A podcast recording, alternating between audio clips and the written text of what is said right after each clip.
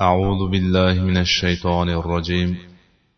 بسم الله الرحمن الرحيم. إن الحمد لله نحمده ونستعينه ونستغفره ونعوذ بالله من شرور أنفسنا ومن سيئات أعمالنا. من يهده الله فلا مضل له ومن يضلل فلا هادي له. وأشهد أن لا إله إلا الله وحده لا شريك له وأشهد أن محمدا عبده ورسوله. أعوذ بالله من الشيطان الرجيم. بسم الله الرحمن الرحيم. يا أيها الذين آمنوا اتقوا الله حق تقاته ولا تموتن إلا وأنتم مسلمون. يا أيها الناس اتقوا ربكم الذي خلقكم من نفس واحدة وخلق منها زوجها وبث منهما رجالا كثيرا ونساء واتقوا الله الذي تساءلون به والأرحام إن الله كان عليكم رقيبا يا أيها الذين آمنوا اتقوا الله وقولوا قولا سديدا يصلح لكم أعمالكم ويغفر لكم ذنوبكم ومن يطع الله ورسوله فقد فاز فوزا عظيما. اللهم علمنا ما ينفعنا وانفعنا بما علمتنا وزدنا علما وعملا يا رب العالمين. رب يسر ولا تعسر وسهل علينا وتمم بالخير barcha maqtovlar allohga xosdir unga hamdu sano va istig'forlar aytamiz undan yordam so'raymiz nafslarimiz hamda yomon amallarimizdan panoh tilaymiz alloh hidoyat qilgan kimsani adashtiruvchi adashtirgan kimsani hidoyat qiluvchi yo'qdir Men sheriksiz yagona ollohdan o'zga iloh yo'q va muhammad uning bandasi va elchisidir deb guvohlik beraman. Ey mo'minlar allohdan haq rost qo'rqish bilan qo'rqinglar va faqat musulmon bo'lgan hollaringda dunyodan o'tinglar. Ey insonlar sizlarni bir jondan odamdan yaratgan va undan juftini havvoni vujudga keltirgan hamda u ikkovidan ko'p erkak va ayollarni tarqatgan robbingizdan qo'rqingiz. Yana oralaringizdagi savol javoblarda o'rtaga nomi solinadigan ollohdan qo'rqingiz. Va qarindosh urug'laringiz bilan ajralib ketishdan saqlaningiz. Albatta olloh ustingizda kuzatuvchi bo'lgan zotdir. Ey mo'minlar ollohdan qo'rqinglar. To'g'ri so'zni so'zlanglar shunda alloh ishlaringizni isloh qiladi va gunohlaringizni kechiradi. Kim allohga va uning payg'ambariga itoat etsa bas u ulug' baxtga erishibdi. Assalomu alaykum va rahmatullohi taala va barakatuhu aziz birodarlar muhtaram opa singillar bugundan e'tiboran islom tarixini o'rganish va tarixda o'tgan voqea va hodisalardan ibrat olish maqsadida suhbat quramiz. Suhbatimizni doktor rog'ib sirjoniyning darslaridan foydalangan holatda olib boramiz. Hijriy yettinchi asr. Melodiy o'n uchinchi asrlarda islom olamida sodir bo'lgan voqealar. Mo'g'ullar tarixi boshlanishidan tormor qilingunigacha bo'lgan hodisalar haqida suhbatlashamiz.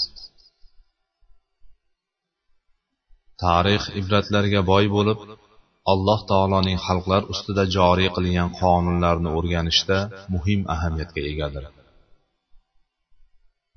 Islom ummati tarixda ko'p hodisalar guvohi bo'ldi. Uning eng ayanchlilaridan biri mo'g'illarning islom ummatiga balo bo'lib kelgani islom diyorlarini vayron qilganidir. Alloh taoloning yer yuzida o'zgarmas qonunlarni joriy qilganligi insonlarga bo'lgan rahmatidandir. Mana shu qonunlar sababidan insonlarning hayoti davom etib saqlanib keladi. Va xalqlar hayot mobaynida shu qonunlarga tayanadi. Agar har bir zamonda va makonda o'ziga xos qonunlar bo'lmaganida insonlarning hayoti murakkablashib ketgan va barcha hosil bo'lgan tajribalar yo'qolgan bo'lar edi. Lekin allohning fazli marhamati bilan hosil bo'lgan tajribalar yo'qolmaydi. Hayotimizda kecha sodir bo'lgan hodisa bugun takrorlanadi. Bugun sodir bo'lgani esa ertaga qaytariladi. Va mana shunday qiyomatgacha davom etadi. Shu o'rinda islom tarixi va undan boshqa tarixlarni o'rganishning ahamiyatini anglashimiz mumkin bo'ladi. Sodir bo'lgan voqea va hodisalar doim takrorlanishi bilan birga bir biriga aynan o'xshash suratda yuzaga keladi. Zotan yer kurrasida yangi sodir bo'lgan narsaning hodisaning voqeaning o'zi yo'q. Tarixni o'rganar ekanmiz oldin bo'lib o'tgan biron hodisani hozirgi kunimizdagi hodisa bilan bir xilligini bilsak biz uning oqibati nima bilan yakun topishini osongina xulosa qilishimiz mumkin bo'ladi. Agar bu hodisa g'alaba va muvaffaqiyat bilan tugagan bo'lsa biz ham shu yo'ldan davom etib nusratga erishishimiz aksincha mag'lubiyat va muvaffaqiyatsizlik bilan yakun topgan bo'lsa o'tganlarning xatosini takrorlamaslik uchun bu yo'ldan uzoq bo'lmog'imiz lozim bo'ladi. Shu tariqa tarixni o'rganish tarixni tartibga soladi va uni tiriltiradi. Tarixni o'g'inish uchun yoki universitetlardagina o'rganish yaramaydi balki voqelikda amal qilish uchun o'rganishimiz lozim bo'ladi. Bu suratda tarixni o'rganish aniq maqsadga qaratilgan bo'lib bu maqsad undagi ibratni bahs etishdan iboratdir. Alloh taolo kitobida shunday marhamat qiladi. Laqad kana fi qasasihim ibratun li ulil darhaqiqat ularning qissalarida aql egalari uchun ibrat bordir. Alloh taolo qur'onning uchdan bir qismini qissalardan iborat qildiki bu bilan musulmonlar o'tgan ummatlardagi allohning qonunlarini o'rganishlari va bu qonunlarning sobit barqaror ekanligini bilishlari voqea sodir bo'lishidan oldin unga tayyorgarlik ko'ra bilishlari va undan foyda olishlari uchundir. Bunga har bir qissani chuqur va atroflicha tafakkur qilganimizda erishamiz. Asosiy ko'zlangan maqsad ham shudir. فقصص القصص la'allahum yatafakkarun. Ular tafakkur qilsinlar uchun bu qissalarni so'ylang. Tarixdan so'z borarkan tarixiy sananing ahamiyati va shu bilan birga e'tibordan chetda qolayotgan hijriy sana haqida biroz to'xtalib o'tishni maqsadga muvofiq deb bildik. Islomiy taqvim yoki hijriy sana milodiy 638 yilda hazrati umar roziyallohu anhu tomonidan joriy etilgandir. Ushbu taqvim qamariy taqvim bo'lib oyning harakatiga asoslangandir. Umar roziyallohu anhu o'sha davrda amalda bo'lgan taqvimlar o'rtasida yuzaga kelgan ziddiyatlarni bartaraf qilish maqsadida bu taqvimni joriy qilgan edi. Taqvimning boshlanish nuqtasi sifatida payg'ambarimiz sollallohu alayhi vasallam makkadan madinaga hijrat qilgan yilning boshi muharram oyining birinchi kuni tanlangan. Birinchi hijriy sananing birinchi kuni melodiy ya'ni grigorian taqvimi hisobida 622 yil 16 iyulga to'g'ri keladi.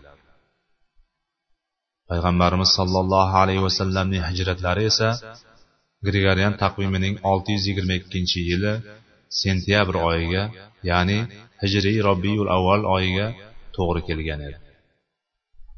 12 qamariy oy bir kun farq qilish ehtimoli bilan taxminan 354 kunni tashkil qiladi. Shamsiy sanadan bir yilda 10 yoki 11 kunga kamdir. Hijriy sana melodiy sananing qaysi kunlariga muvofiqligini va buning aksini ko'rsatib beradigan kompyuter programmalari yetarlicha ishlab chiqilgan. Foydalanishni istaganlar internetga murojaat qilishlari mumkin. Biz imkon qadar ba'zilar uchun yanada tushunarli bo'lsin degan maqsadda hijriy sanalarni taxminan melodiy qaysi sanaga muvofiqligini aytib ketishni lozim deb topdik. Hijriy yettinchi asr melodiy sana hisobida o'n uchinchi asr musulmonlar tarixida. Balki yer kurrasi tarixida o'ta muhim hodisalar ro'y berdi. Ya'ni yer yuzida yangi dahshatli va mudhish bir kuch yuzaga keldi va bu kuch ta'sirida umumiy tarzda dunyoda va xos tarzda islom yerlarida katta o'zgarishlar sodir bo'ldi. Bu kuch mo'g'ul davlatining kuchi edi. Mo'g'ullar qissasi barcha o'lchovlarda hayratomuzdir. Qissada arzimagan sondagi mo'g'ul xalqining zaif holatdan kuchli holga va kuchli holdan zaif holga o'tishiga juda oz vaqt ketganligi buning barchasi hayot. Bo'lishi mumkin emas deyishimizga sabab bo'lishi mumkin. Lekin alloh taolo bir davlatni aziz va qudratli boshqasini esa xor qiladi. Tarixda insonlar va tarix nazarida juda oz sanalgan xalqlar yashab o'tdi. Birinchi gal alloh taolo ularni xor qilgan bo'lsa boshqa safar aziz va qudratli qildi. Mana shunday alloh taolo xohlaganini aziz va xohlaganini xor qiladi. Mulk yolg'iz uning qo'lidadir. Albatta u barcha narsaga qodir zotdir qissadagi voqealar undagi ko'rsatkichlar qatl qilingan qurbonlarning asrlarning va xiyonatlarning soni mubolag'a darajada hayratlanarlidir. Qissaning yana ajablanarli yeri undagi voqea va hodisalar bugungi kunimizdagi sodir bo'layotgan voqea va hodisalarga aynan o'xshashligidadir. Go'yoki alloh taolo bizga o'zining yer yuzida joriy qilgan qonunlarini sobitligi va tarixning takrorlanishidagi haqiqatni bayon qilishni xohlagandek tarixni bahs etarkanmiz moziydagi bir qancha hodisalarni. Hozirda ummat duch kelayotgan hodisalarga o'xshashligini topamiz. Uni ko'rib chiqmoqchi bo'lgan qissamiz ya'ni mo'g'illar qissasining misolida ko'rishimiz mumkin. Hozirgi kunimizda ham ummat uchun o'ta muhim bo'lgan hodisalar. Mo'g'illar qissasi yuz bergan ayni mintaqalarda va ayni shaklda sodir bo'lmoqda. Alloh taolo hijriy yettinchi asr ya'ni melodiy o'n uchinchi asrda ummat o'z boshidan kechirgan voqea va hodisalarni bugungi kun hijriy o'n beshinchi asr ya'ni melodiy yigirma birinchi asrda duch kelayotgan voqealarning aynan takrori qildi. Oradan sakkiz asr o'tsa ham hodisalar bir xildir. Bugun o'sha hodisalar afg'onistonda o'zbekistonda iroqda falastinda eronda va boshqa islom diyorlarida takrorlanmoqda. Mo'g'illar voqeasini o'rganuvchi kishi hozirgi kun bilan tarix orasini bog'lay oladi. Va shuningdek alloh azza va jallaning xalqlar ustidagi va yer yuzida joriy qilgan qonunlarni fahmlay oladi. Bu darslarimizda har bir voqeaga atroflicha mufassal kirishni maqsad qilmadik. Agar har bir voqeani mufassal bahs qilsak juda cho'zilib ketishi e'tibori bilan voqealardagi ibrat o'rinlarini va ularni zamonamizda sodir bo'layotgan hodisalarga o'xshash jihatlarini bahs qilamiz. Qisqacha mag'lubiyat va g'alaba sabablarini tahlil qilamiz inshaalloh. Yanada kengroq ma'lumotni olishni istaganlar islomiy kutubxonalarga murojaat qilishlari mumkin. Alloh subhanahu va taolodan tavfiq so'raymiz. Va bu ajib qissadagi har bir kalima va harflardan barchalarimizni foydalantirishni iltijo qilib qolamiz. Mo'g'ullar hijriy yettinchi asrning boshlarida kuchayib oyoqqa tura boshladi. Buni fahmlash uchun o'sha zamonda va o'sha paytda yer yuzida o'z ta'sirini o'tkaza oladigan qanday kuchlar borligiga nazar solishimiz kerak bo'ladi.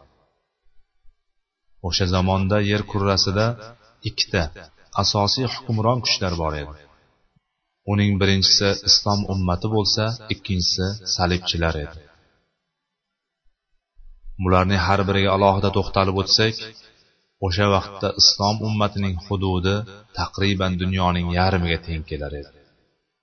Islom mamlakatlarining chegarasi sharqdan xitoydan boshlanib osiyodan o'tib afrikaning bir qancha o'lkalariga g'arbdan yevropa va andalusgacha yetgan edi. Hudud nihoyatda katta lekin afsuslar bo'lsinki o'sha davrda islom olamining ahvoli maydonining kengligiga nufusining ko'pligiga moliyaviy qurol aslaha ilm fan ilm ma'rifat jihatdan bo'lgan imkoniyatlarning keng bo'lishiga qaramay o'ta ayanchli bir holatda edi. Chunki islom ummati ichida avjiga chiqqan fitnalar bo'linishlar yuzaga kelgan katta islom shaharlarining siyosiy ahvoli keskin yomonlashgan edi. Ajablanarlisi hijriy oltinchi asrning oxirlarida quvvatli g'olib bir butun va bosh bo'lgan islom ummati arzimagan yigirma o'ttiz yil ichida shunday achinarli holatga tushishidi alloh taoloning qonuni joriydir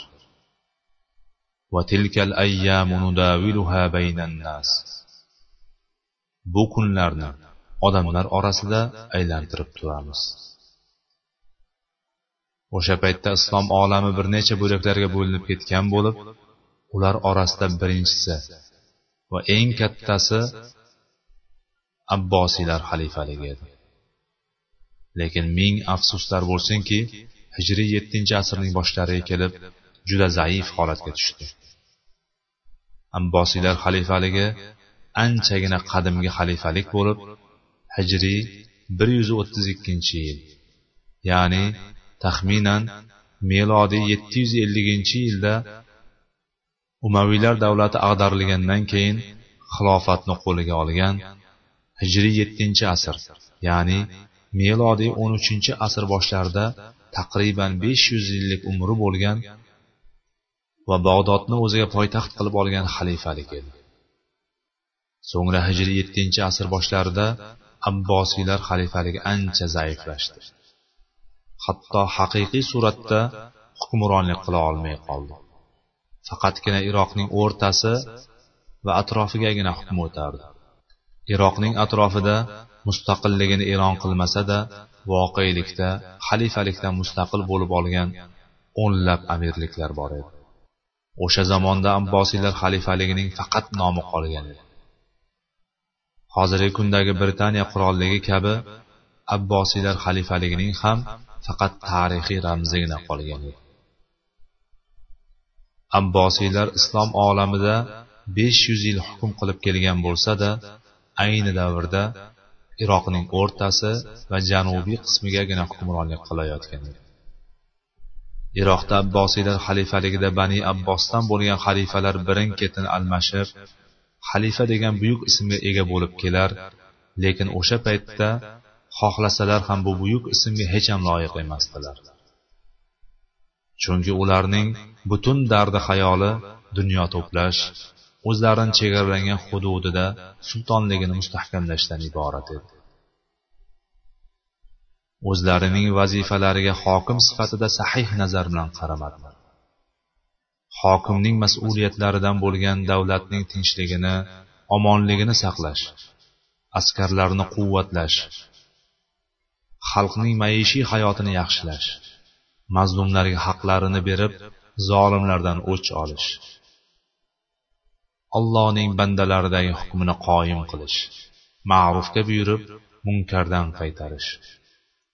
Islomga taalluqli bo'lgan barcha narsalarni himoya qilish qalblar va saflarni birlashtirishni hayollariga ham keltirmadilar. Butun xohishlari mumkin qadar uzoq vaqtlar xalifa bo'lib tursa bas undan so'ng taxtni farzandlariga meros qilib qoldirsa.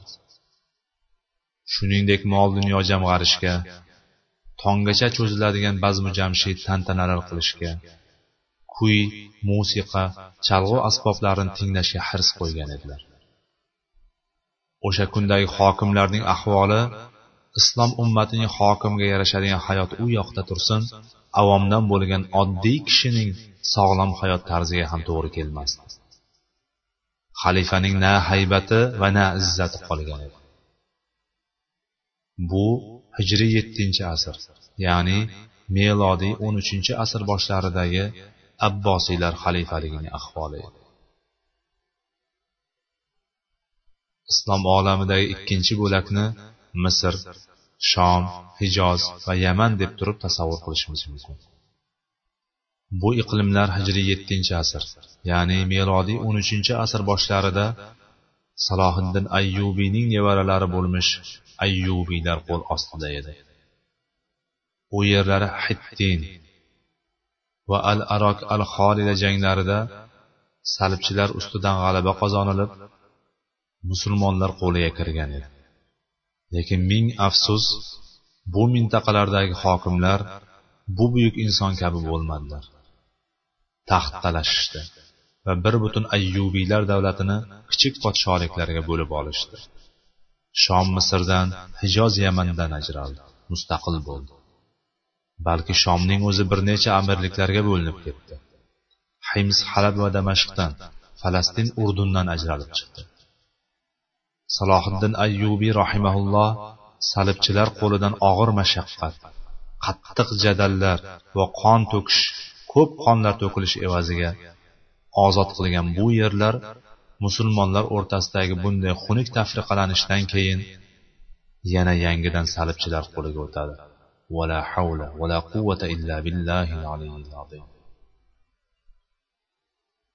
Islom olamidagi uchinchi bo'lak mag'rib va andalus o'lkalaridir bu o'lkalar o'sha vaqtlarda muvahhidlar davlati amirining qo'l ostida bo'lib juda kuchli va qudratli davlat edi. Sharqdan liviyadan boshlanib g'arbdan mag'ribgacha shimoldan andalusdan boshlanib janubdan afrikaning o'rtasigacha hukm yurgizar edi. Hijriy yettinchi asr boshlariga kelib asta sekin kuchsizlanib so'na boshladi. Hijriy olti yuz to'qqizinchi ya'ni melodiy bir ming ikki yuz o'n ikkinchi yilda bo'lib o'tgan al iqob ash shahiro jangi muvahhidlar davlatiga hal qiluvchi zarbani berdi.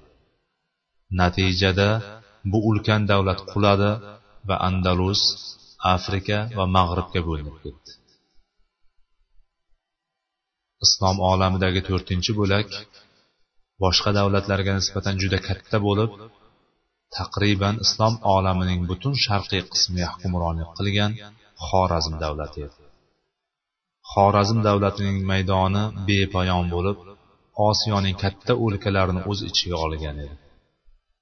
Uning hududi sharqdan xitoyning g'arbidan boshlanib g'arbdan eronning katta qismlarigacha davom etgan edi.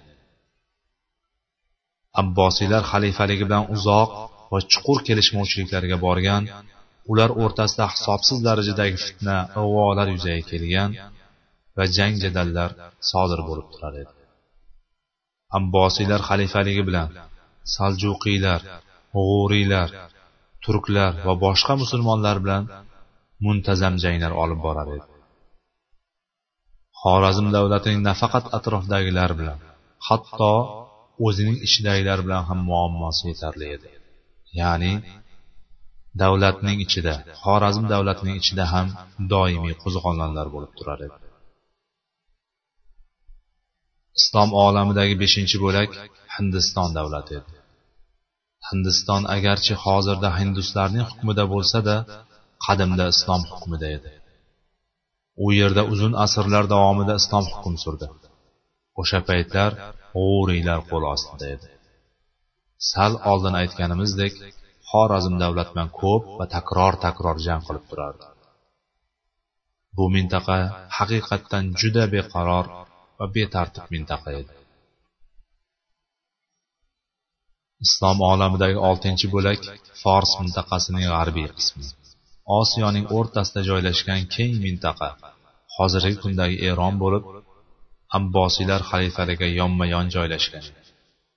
U toifasining eng habislaridan bo'lgan ismoiliya toifasining qo'l ostida edi.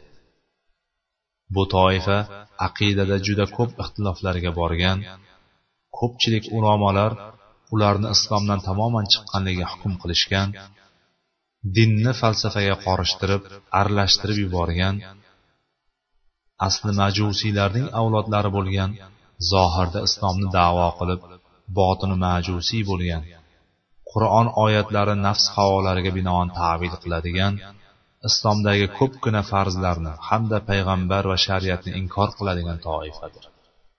Ular saltanat va mulk ortidan quvganlari sabab asosiy e'tiborlarini qurol aslaha jang ishlariga qal'a va qo'rg'onlar bino qilishlikka hamda armiya ishlariga qaratgan edilar.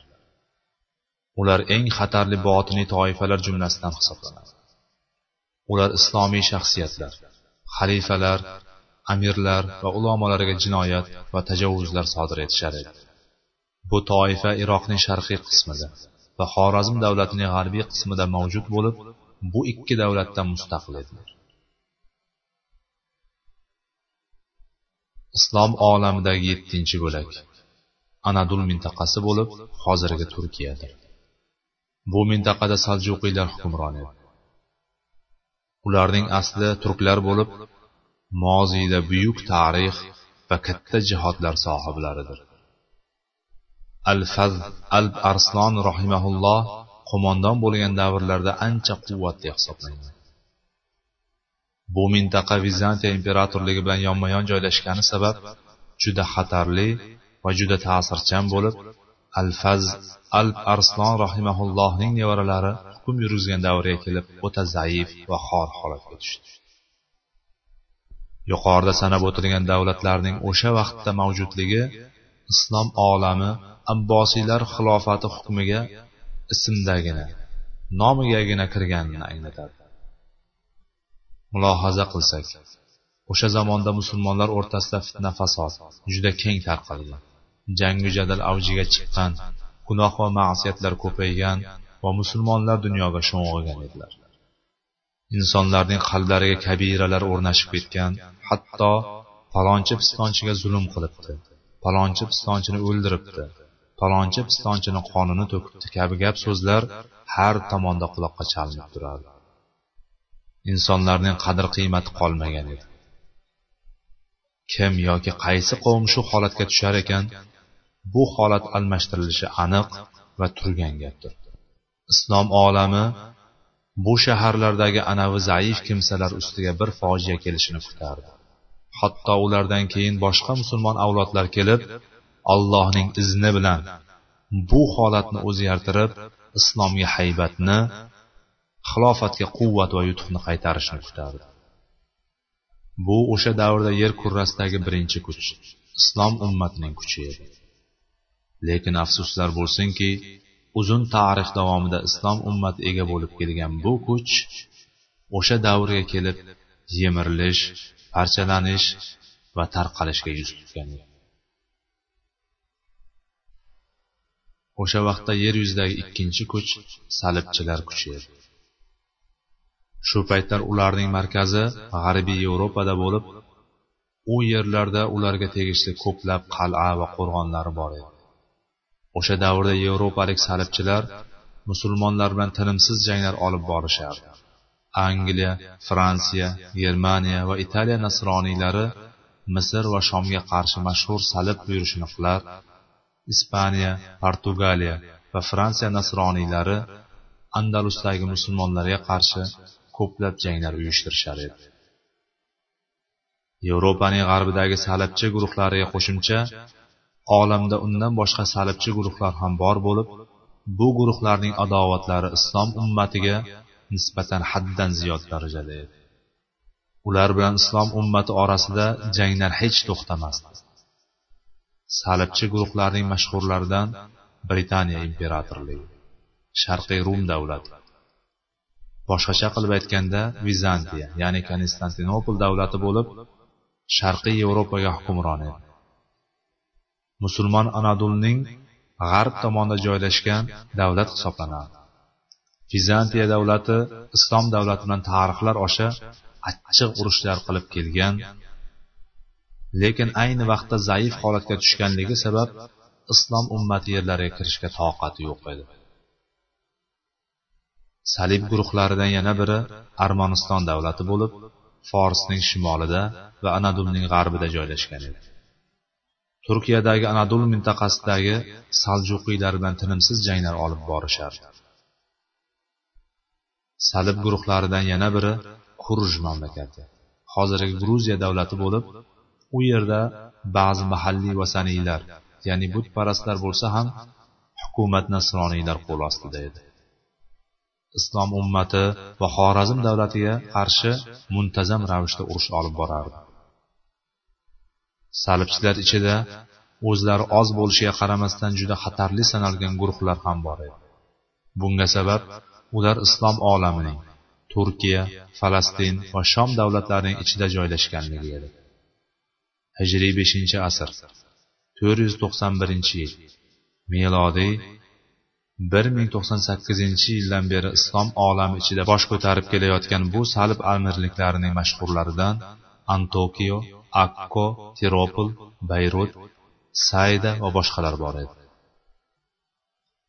Hijriy oltinchi asr ya'ni milodiy o'n ikkinchi asr oxirlari islom olami uchun ancha muvaffaqiyatli salibchilar uchun esa anchagina halokatli muvaffaqiyatsiz keldi.